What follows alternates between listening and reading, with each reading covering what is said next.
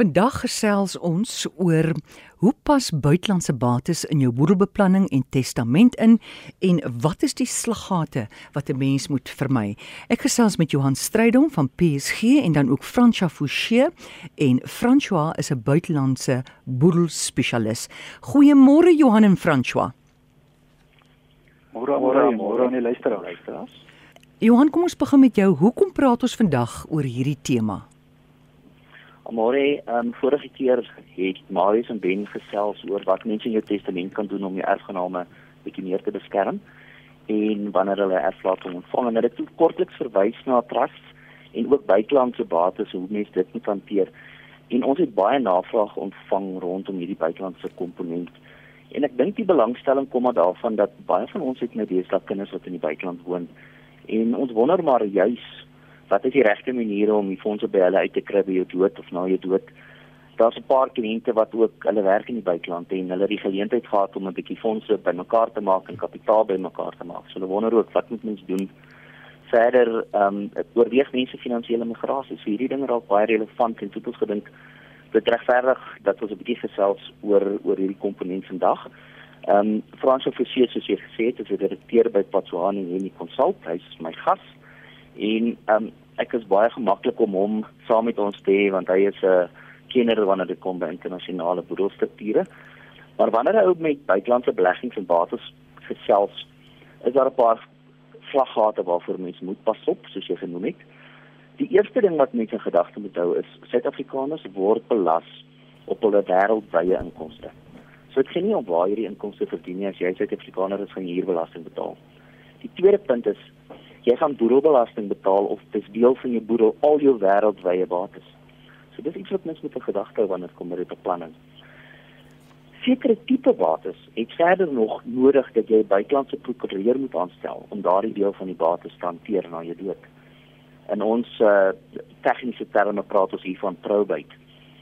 En dan moet mens nog in gedagte ook verder hou dat verskillende lande het verskillende boedelbelasting. Hulle dan net soos hulle soos ons boedelbelasting het vir hulle is. Wat dit erger maak is baie betaal jy baie meer as wat jy in Suid-Afrika betaal. Byvoorbeeld in die Verenigde State en in die Verenigde Koninkryk kan die persentasie opgaan tot 40%. Hier praat ons nou weer van situsbelasting. So dis dinge wat mense in gedagte moet hou. Ons probeer wel van van ons kant af produkverskaffers gebruik vir ons kliënte se buitelandse beleggings sodat daar nou nie probate of situs betaal word nie. Maar die boodskap is eintlik maar dat ons die regte beplanning in plek moet hê vir jou buitelandse bates en dit inkorporeer in jou boedelbeplanning en dis waar ons vandag wil gesels oor. Goed dan Johan, met verwysing na die slaggate, hoe hanteer mens dan jou buitelandse beleggings in jou testament? Ek dink die eerste sinvolle ding is om 'n buitelandse testament maar vir jou buitelandse bates te hê. Dit voorkom baie vertragings in die toekoms wanneer daai bates beredder moet word. Ehm um, ek wil nie weer herhaal vir vir baie kliënte het ons buitelandse beleggings gebruik ons produkverskaffers waar dit nie nodig gaan wees om 'n buitelandse testament op te stel nie. Maar ek dink wanneer dan 'n ou dan na jou testament kyk, jou buitelandse testament, hanteer hierdie bates uitdruklik en spesifiek en sê ook in watter land dit is. Ehm um, en en maak seker dat jou buitelandse testament hanteer dit en nie alles nie want 'n algemene bepaling wat ons mos altyd in ons testament het en dit is eintlik die eerste bepaling. Ons sê hierdie testament herroep alle vorige testamente. Nou as jy so 'n bepaling gaan skryf in jou buitelandse testament gaan jy onwetend jou Suid-Afrikaanse testament ook ehm um, herroep. En terloops dis ook dan baie belangrik om na jou Suid-Afrikaanse testament te kyk en net te sê hy herroep die Suid-Afrikaanse testamente en nie jou buitelandse nie. En dan miskien 'n laaste punt hier ehm um, die testament nie in Afrikaans is want dan is daar 'n groot koste in proses om dit te vertaal. Mm. Ehm mm. um, net so daar's 'n paar sulke dinge maar ek dink ek dink hierdie hierdie bring nou die belangrikste punt uit. Goed Johan, kan jy vir my 'n bietjie harder praat asseblief? Nou seker. Moet mens dan 'n testament in elke jurisdiksie waar jy beleggings en bates het, hê? Nie noodwendig nie, uh, maar ten minste met mense advies daarin win. Want onthou regstelsels van verskillende lande verskil. En interessant party lande het selfs bepaalde reëls wat verpligte erfopvolging voorsaak. Met ander woorde, die reël sê wie en wat kry watter deel van jou bates. So jy het nie 100% testateervryheid soos ons in Suid-Afrika het waar jy kan bepaal wat om te doen nie. En dan moet mens ook maar in ag neem dat verskillende lande het dalk verskillende geldigheidsvereistes. Het om 'n testament in Suid-Afrika geldig te hê, moet daar 'n paar dinge gebeur. En net so kan dit verskil in ander lande. So nie noodwendig in elke jurisdiksie, maar ek dink om advies te kry of dit nodig is, is nie 'n slegte ding nie. Goed, François Fouché, buitelandse boedelspesialis. François, dit klink vir my ingewikkeld en gekompliseerd. Is daar nie maniere om dinge eenvoudiger te maak nie? Amorai, uh, die goeie nuus vir die vir die luisteraars is dat daar is en ek dink die belangrikste deel van vandag se gesprek is om te sê eh uh, dat ons mense bewus is van van hierdie komplikasies maar dit met 'n bietjie goeie beplanning en raad en advies van kundige adviseurs en ehm, dit nie dit nie noodwendig iets hoef te wees waaroor mens bekommerd is nie. Ehm um, Johan het reeds verwys na die buitelandse testament uh, wat ek dink baie baie sinvol is en wat baie help en miskien om dit net verder toe te lig uh as jy luisteraars verstaan die praktiese daarvan is dat 'n mens het mos nou oorspronklike testament wat by die meester ingedien word En as 'n mens dan 'n buitelandse bates het en daai buitelandse verteenwoordiger moet aangestel word om daarmee te handel, dan moet daar 'n gewaarmerkte afskrif van daai testament by die meester ontvang word. Dis nou as jy alles in een testament hanteer het. En ons weet dis daar vir dit vir dit redelik eh, 'n uh, tydjie om om om seker tipe van dokumentasie by die meester te kry. So die die sin van die buitelandse testament is dit is 'n oorspronklike testament wat dan nie by die meester as sulks ingedien word nie en wat dan oorsee gestuur kan word sodat sodat daardie proses kan begin om met die buitelandse bates te handel. Maar Amorey, ek dink die belangrike ehm um, wat ons wil wat ons wil hanteer vandag is om te sê daar's ook ander maniere om hierdie kompleksiteit te verminder. Ehm um, en dit is basies dat daar strukture en produkte is uh, wat hierdie kompleksiteit kan kan uitskakel. En ons dink hier byvoorbeeld aan produkte soos soos versekeringspolisse, um, en dan strukture soos buitelandse trusts en en maatskappye. Nou die beginsel wat ons hier in gedagte moet hou is as daardie buitelandse bates nie op jou persoonlike naam is nie, dan hoef dit nie hanteer te word as deel deel van jou boedel nie. En hierdie tipe van van van polisse, daardie tipe van produkte in die beleggingswêreld en dan ook hierdie strukture soos buitelandse trusts en maatskappye gee natuurlik vir ons eienaar uh, wat nou nie die individu is nie en wat dan nie te sterwe kom nie. Uh, so dit kan nogal baie vereenvoudig as 'n mens dan die buitelandse bates so struktureer dat dit dat dit nou nie op jou op jou balans staat is nie. Goed Johan François gaan later verder praat oor trusts. Maar sê jy nou vir my wat is hierdie sogenaamde rap rappers en watter voordele bied dit?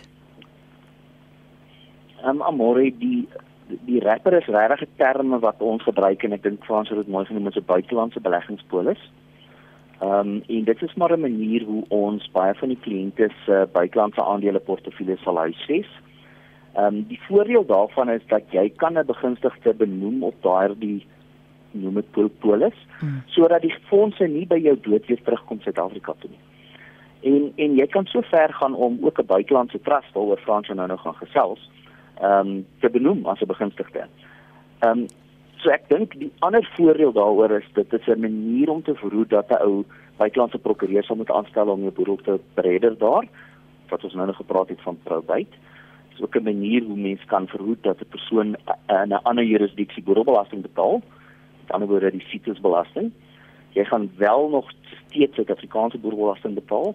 So en dit maak dit dit is nie 'n baie komplekse 'n uh, manier om om buitelandse bates te bestuur of of te belê nie. Ehm um, maar met sy beperkings en ek dink dis waar dis waar die gesprekke bietjie gaan oor gaan van nou af. Goed François, wat moet ons weet van buitelandse trusts en hoe verskil dit van Suid-Afrikaanse trusts? Amorei die die trust beginsel ehm um, is is een wat wat deur die eeue kom. Ehm um, en die basiese aanwending van die trust in boedelbeplanning um, is dieselfde. Het sy of ons praat van 'n Suid-Afrikaanse trust of 'n buitelandse trust. En dit is wat ons 'n entiteit wil skep wat bates besit uh wat wat wat los staan van die individu. Met ander woorde dit dit kan aangaan selfs ook om die individu te sterwe. Die bates in die trust is beskerm so dit word nie besit deur die individu nie word besit deur die trustees. En uit die die dag het ons beginsigdes wat in uit die trust bevoordeel kan word. So al daardie eienskappe is is gemeensaak wanneer ons praat van buitelandse trust en Suid-Afrikaanse trust. Maar daar is ook wesenlike verskille. Uh ek gaan nie te veel oor die tegniese detail ingaan nie, maar Die regsgrondslag is so 'n bietjie verskillend van Suid-Afrikaanse trust en en en buitelandse trust. Ehm um, maar die werking is dieselfde en die gedagte is dat daar bates is wat oorgedra word aan trustees en daardie trustees bestuur dan die bates ten behoeve van die van die beginsigdes. Nou wanneer ons praat van 'n buitelandse trust, kan ons uit die aard van die saak kies in watter jurisdiksie ons so 'n trust wil oprig. En dan is dit ook moontlik om so 'n trust op te rig um, in 'n finansiële sentrum of dan in 'n belastingvriendelike jurisdiksie. En van daai jurisdiksie sal aan ons luisteraars bekend wees. Ons dink aan uh, plekke soos Jersey en Guernsey en Isle of Man en en, en Mauritius om 'n paar voorbeelde te noem. Maar ek dink een van die belangrike verskille is 'n buitelandse trust is uit die af van die saak nie onderhewig aan Suid-Afrikaanse wetgewing nie en gevolglik is valute beheer nie op op buitelandse trust van toepassing nie. Nou wat ons daarmee bedoel is 'n Suid-Afrikaanse trust kan nie buitelandse bates direk besit nie. Ehm um, en dis hoekom ons nou nie die buitelandse bates in ons plaaslike trust kan sit nie en dis hoekom ons 'n buitelandse trust sal oorweeg. Nou, ek dink een van die belangrike verskille tussen 'n Suid-Afrikaanse trust en 'n buitelandse trust wat vir ons luisteraars uh, belangrik is, is ons is gewoond in 'n Suid-Afrikaanse trust is ons ons kliënt of ons boedelbeplanner wat besig is met die boedelbeplanning is ook 'n trustee van die Suid-Afrikaanse trust. En daar verskil dit baie uh, ten opsigte van 'n buitelandse trust want daar is die kliënt gewoonlik nie 'n trustee nie. Ons maak gewoonlik gebruik van 'n professionele trustee in die buiteland, so dit sal tipies 'n trustmaatskappy wees in daai jurisdiksie waar die trust opgerig word. Ehm um, en dan het ons en dan het ons 'n buitelandse uh, trustee wat dan wat dan die trust bestuur. Maar verder Amorey het hier dieselfde aanwending in ons groter boedelbeplanningsprentjie. Ehm um, en ek dink die vernaamste verskil wat wat ek dink belangrik is vir ons luisteraars is dat wanneer mense buitelandse trust oorweeg, dat 'n ou net moet verstaan dat jy dat jy nie trustee van daardie buitelandse trust gaan wees nie. Goed, ek wil net sê as al luisteraars is met 'n vraag vir Johan of François, SMS dit na 45889 kos jou R1.50. Nou François, dit klink of kliënte nie beheer het oor die buitelandse trust nie. Hoe weet ek my bates is veilig in 'n buitelandse trust? Amorey, ek dink dit is so, ehm um, dat die kliënt nie beheer oor die trust het nie en en dit is belangrik want ehm um, ons gaan nou net 'n bietjie praat oor die befondsing van die trust en en die belasbaarheid van die bates in die trust.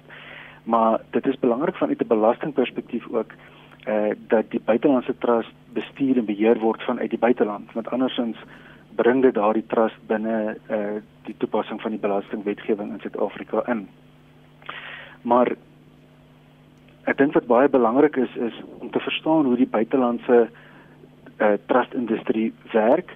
Um, en ek kan miskien hier vir die vir die luisteraars gemoedsrus gee om te sê alhoewel 'n mens nie direkte beheer het soos in 'n Suid-Afrikaanse trust waar jy die trustee is nie, is jou bates baie veilig in in 'n buitelandse trust. En dit is hoofsaaklik as gevolg van die baie deeglike oorsig wat daar is uh, oor buitelandse trust en oor buitelandse trustees. So om dit miskien so 'n bietjie eh, mm. konteks uh, te gee, 'n buitelandse trustee uh moet gelisensieerd word om op te kan tree as 'n trustee in in hierdie buitelandse jurisdiksies. Ehm um, en daar streng vereistes waaraan hulle waaraan hulle voldoen uh, moet voldoen om so gelisensieerd te word en hulle word dan ook gereeld geaudit en daar is 'n waghond uh wat wat kyk dat trustees die nuwe konstig optree. En ek dink 'n mens moet verstaan dat vir hierdie finansiële sentrums um, is hierdie finansiële dienste sektor 'n baie belangrike deel en komponent van hulle van hulle ekonomie. En derhalwe is dit in hulle eie belang om hulle reputasie as so 'n sentrum wat wat vertrou kan word en en en waar trust goed bestuur word uh, gestand te doen. Ehm um, so mense daarso eintlik die wetgewing in daardie jurisdiksie en die regering en sy organe aan aan jou kant want hulle het dieselfde belang om seker te maak dat die trust goed bestuur word. Nou die vraag sal wees as ek nou nie 'n trustee is nie, hoe kommunikeer ek met die trustees en en en hoe laat ek hulle weet wat daar aan my gedagtes is rondom die buitelandse bates? Ehm um, en dit is waar die konsep inkom uh, van 'n brief van wense. So die oprigter van die trust wat die trust befonds deur bates oor te dra na die trust toe, sal tipies dan 'n brief van wense skryf ehm um, aan die trustees waar hy dan van tyd tot tyd kommunikeer en sê ek sien nou maar ek het 'n behoefte om inkomste uit die trust te ontvang of ehm um, ek wil nog bates in die trust bydra en ons moet praat oor oor hoe dit belê moet word. Ehm um, so daar is 'n ander kommunikasiekanaal uh wat die kliënt wel die wense aan die aan die trustees kan kommunikeer. Goed, nou Johan Strydom van PSG, hoe kry 'n Suid-Afrikaner fondse in die buiteland om in hierdie trust te kan plaas? Môre uit die aardse saak miskien ehm um, moet ou die term valuta beheer hier gebruik.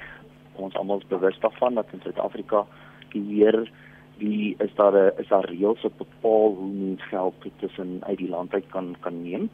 Ehm um, en dit word beperk tot 'n bepaalde bedrag. So daar's basies twee maniere. Ons praat van 'n diskresionêre toelaag en almal sou nog onthou van die ou wat ons in die verlede gepraat het van die ou vakansietoelaag as ons in die buiteland gaan kuier het. Nou dit is so 1 miljoen rand per jaar wat 'n eh, wat 'n persoon bo 18 kan uitvat.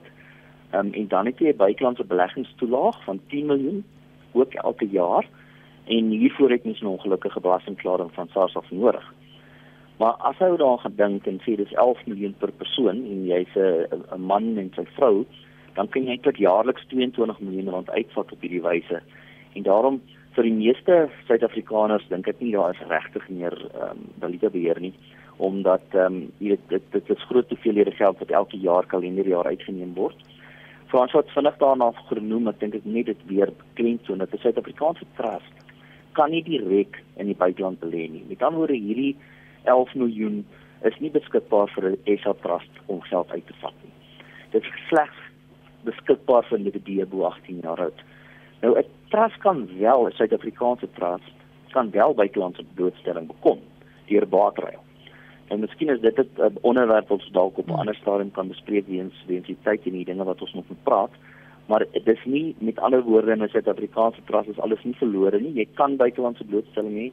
Jy kan jou verskans teen teen risiko's wat jy voel hier is maar dis ongelukkige geval van dat jy nie die geld direk kan uitvat en dit nie weer hoef terug te kom nie. Die valuta beheer as jy daai toelaag uitgeneem het dan hoef dit nooit weer terug te kom Suid-Afrika toe nie. Daar's toestemming gegee om dit uit te vat en nou is dit in die buiteland. So nou kan kan Fransjo praat nou maar hoekom dit dan nou in die trust? Goed Fransjo, ja, as jy fondse nou in die buiteland is, hoe befonds mens dan hierdie trust?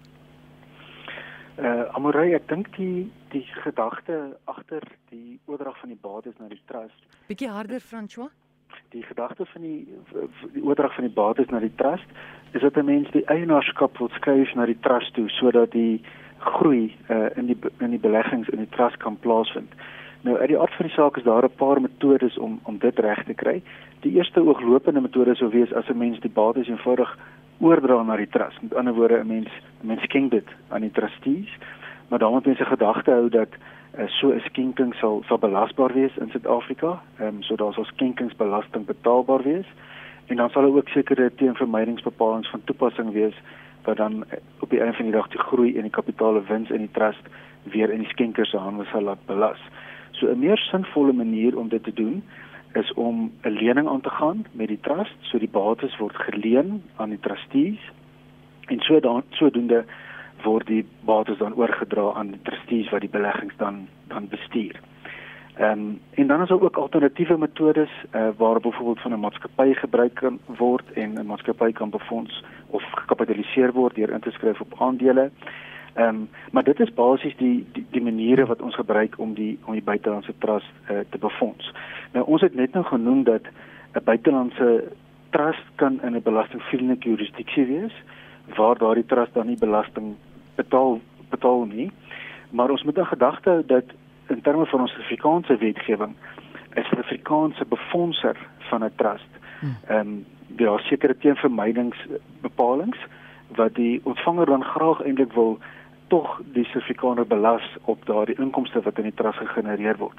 En dit is waar hierdie verskillende befondsingsmetodes baie belangrik is uh om te oorweeg. Nou ons luisteraars sal dalk bekend wees uh die wat wat betrokke is met met Suid-Afrikaanse trust dat so tydjie gelede was daar artikel 7C wat op die, die wetboek gebring is en wat basies vereis dat 'n mens wanneer jy 'n lening na 'n trust toe maak uh 'n mark markverwante rente op daardie lening vra. Nou so is daar ook soortgelyke bepalinge wat van toepassing is op die befondsing van van buitelandse trusts. Goed, nou hoe Ek kan dalk net ja, ek jammer môre ek ja. dalk net byvoeg jy het 'n vroeëre vraag gevra oor ehm um, hoe hoe dit voel of of jy as as mens dan nou nie meer 'n um, regtig ehm um, die geld nie meer kan beheer nie. Mm. Maar hierdie is nog 'n manier as daar 'n lening tussen jou en die trust is dat jy die geld natuurlik kan oproep na die trust uit kanaal want die trust skuld jou dan daardie geld.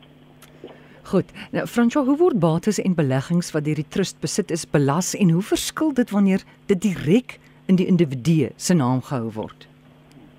Maar ek dink die vernaamste uh verskil en en en voordeel van die buitelandse trust is dat die trust in beginsel nie belasting betaal in die jurisdiksie waar die trust opgerig is nie. Ehm um, so gevolglik betaal die trust nie enige belasting op inkomste wat hy verdien of op kapitaalwinste wat gerealiseer word nie. En dan baie belangrik, ons het nou gesê die die gedagte met die befondsing van 'n buitelandse trust is dat die groei van die beleggings uh, in die trust akkumuleer en nie in die hande van die van die Suid-Afrikaner wat wat wat in die buiteland belê nie.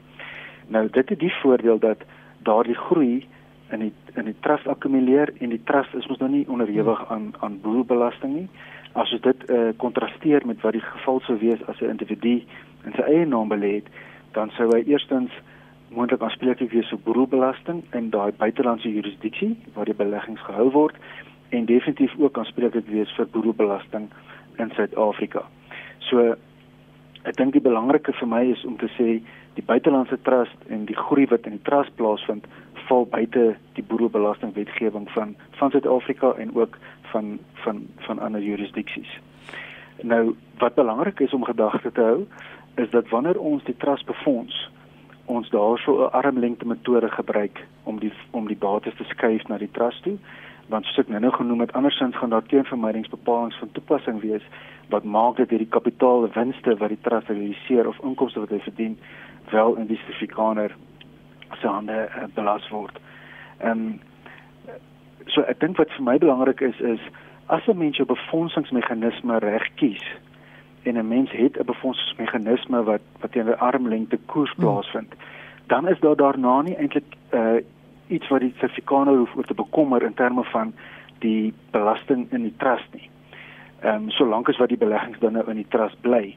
En dit het die praktiese impak dat uh, 'n mens sodra die bates in die trust is, eintlik jou beleggingsbestuur en jou beleggingsbeplanning kan doen sonder om die hele tyd oor oor die belastinggevolge hmm. ehm um, bekommerd te wees. Nou Johan sal sal daaroor praat, maar 'n beleggingsadviseur wil altyd portefeuilles herbalanseer en daai herbalansering het dikwels ehm um, tot gevolg dat daar wel 'n kapitaalwins gerealiseer word, hmm. maar in ons geval van die buitelandse trust uh, betaal die trust nie belasbaar nie en dit maak dit dis baie eenvoudiger eintlik om om beleggingsbestuur goed te doen want daar is dan nie daai belastinggevolg wat 'n mens hoef oor te bekommer nie. Goed, julle ons is so 2 en 'n half minute oor vir die onderhoud. Eh, antwoord net 'n bietjie korter. Johan, is daar voordele om eerder die beleggings dan in die trust te huisves as in die individu se naam? Mooi, ek dink um, wat Frans nou genoem het is in die trust is daar nou nie is daar nou nie belasting te sprake nie, maar in jou eie naam gaan daar as 'n verandering is natuurlik kapitaalwinsbelasting wees. Daar's dividendbelasting, daar's dinge soos inkomstebelasting. En dan die volle waarde van die belegging bly in die boedel vir boedelbelasting. Alhoewel by die trust gaan net die waarde wat op jou in die trust ingegaan het of die waarde van my lening in jou boedel wees op boedelbelasting en nie die groei nie. So ek dink kortliks is dit die is dit die uh, voordele wat dit aanhou om met hierdie trust te doen. Goed, Franco, ook kortliks kan 'n mens nie soos in geval van Suid-Afrika die bates eers by dood na die trust toe laat vererf nie. Uh, Amorey, ons het gepraat oor valute beheer. Uh, so ons het genoem as Afrikaanse trust kan nie buitelandse bates hou nie. So dit sal nie moontlik wees om die buitelandse bates na 'n uh, Suid-Afrikaanse trust te bemaak nie.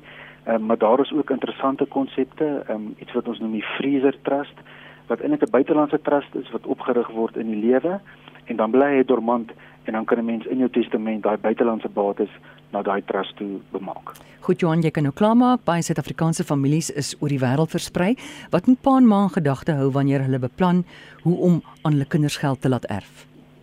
Ag ek dink op die ou end gaan dit daaroor dat gaan nie te kind terugkom Suid-Afrika toe. Dit bepaal hoe jy jou beplanning moet doen um, of jy buitelandse trust moet hê of jy Suid-Afrikaanse trust moet hê. Ons meeste bepaling sê ons maar geld gaan na my langslewende toe en daarna gaan dit na SA Trust toe, 'n testamentêre trust. Ons sou nie voorstel dat as jou kind in die buiteland is dat 'n Suid-Afrikaanse trust dit dit besit nie. Ehm um, maar ek dink die beplanning en advies is baie belangrik in hierdie geval en en môre dalk kan ek dan afsluit net te sê dat die luisteraars sou nou agtergekom het dat hierdie nie 'n onderwerp is wat sommer net so vinnig hanteer kan word nie en daarom hou ons die 2de, 3de en 4de Augustus se aanbieding vir mense wat sou belangstel om verder hieroor uit te vind. Die 2 Augustus hou ons een in Pretoria, dis die oggend by Minden Boutique Hotel. Die 3 Augustus hou ons een in George, daar by Fancourt, die middag. En die 4 Augustus is ons in Nysna by Simola, ook die oggend. En François en die buitelandse strategie van hierdie struktuur sal daar teenwoordig wees. Ons het onder andere ook Schreeders beleggingsbestuurders wat kom gesels oor watter beleggingsgeleenthede dink hulle tans daar bestaan. So indien enige luisteraar belangstel om te kom luister of te kom by te woon of nog net self met my en Frans wil gesels, kan julle my sommer direk kontak by Jestrydom by psg.co.za of by ons landvrye tol ons landvrye tolnommer 086 134 8190. Miskien moet ek net herhaal. Hier strydom by psg.co.za of 086 134 8190. Goed, ek noem net weer is die 2 Augustus in Pretoria, 3 Augustus in George en die 4de Augustus in Nysna. Ek het gesels met Johan Strydom van PSG en uh, François Fouché en hy's 'n internasionale boedel spesialis. Dankie julle, alles van die beste. Baie dankie aan julle luisteraars.